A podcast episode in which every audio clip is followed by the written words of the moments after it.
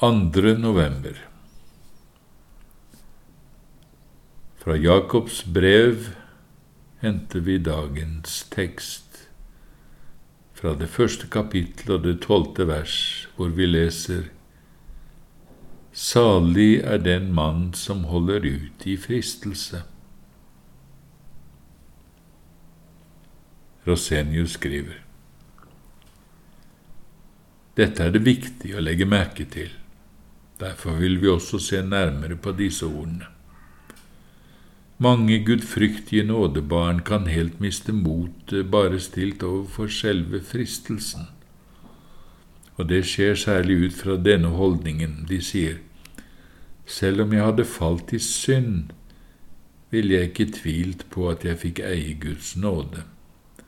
Men nå kjenner jeg hos meg noe som er mye verre jeg kjenner rett og slett at jeg elsker synd, og dette er jo helt forferdelig. Men da må vi spørre,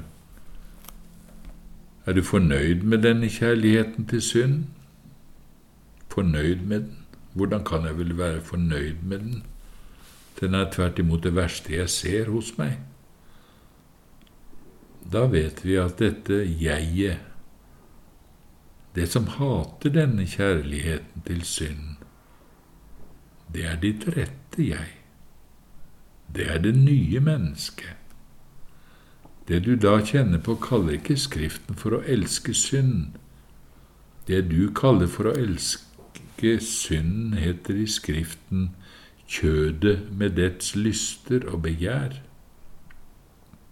Det er altså kjødets kjærlighet til synd du kjenner på.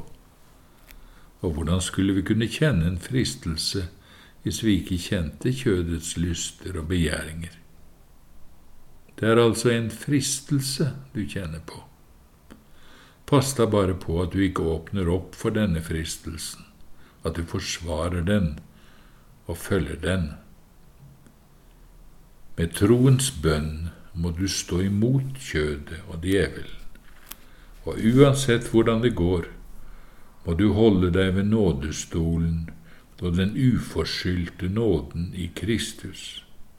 I ham har du da alltid det evige liv. Og da kan det se så ille ut som det bare vil, ja, om du så skulle føle du er fullstendig overmannet av det onde, så djevelen springer over deg med føttene og tramper på halsen din, som Luther sier eller du opplever det som om djevelen herjer fullstendig uhemmet med deg, og du synes totalt å ha mistet all kraft, all Den hellige ånds nåde. Og nå å få bli stille, og midt i det svarteste mørket bare vente på Herren, det er de helliges visdom, en vidunderlig nåde for det Herren gjør med sine barn i tider når de siktes som hvete, er en dyp hemmelighet. Den som da bare vil regne med det han selv ser og føler, kommer til å fortvile. For det er akkurat dette som er noe av målet med disse dyptgående fristelsene som totalt ruinerer oss, at vi virkelig skal miste all annen trøst i vår egen kristendom eller styrke. Derfor må det gå så langt, derfor må det bli så helsvart, for at det ikke skal finnes noen som helst trøst som vi kan se eller kjenne hos oss selv, så vi bare har all vår trøst i Herren. Hans egen guddommelige trofasthet og makt skal bli alt vi har igjen å håpe på. Selv i slike fristelser gjelder Jakobs ord. Regn alt bare som glede når dere blir utsatt for alle slags prøvelser. Merk alle slags. For dere vet at når troen blir prøvet, virker det tålmodighet. Og videre Salig er den mann som holder ut i fristelse, for når han har bestått prøven, skal han få livets krone. At apostelen her taler om fristelse til å synde, ser vi tydelig av at han straks tilføyer.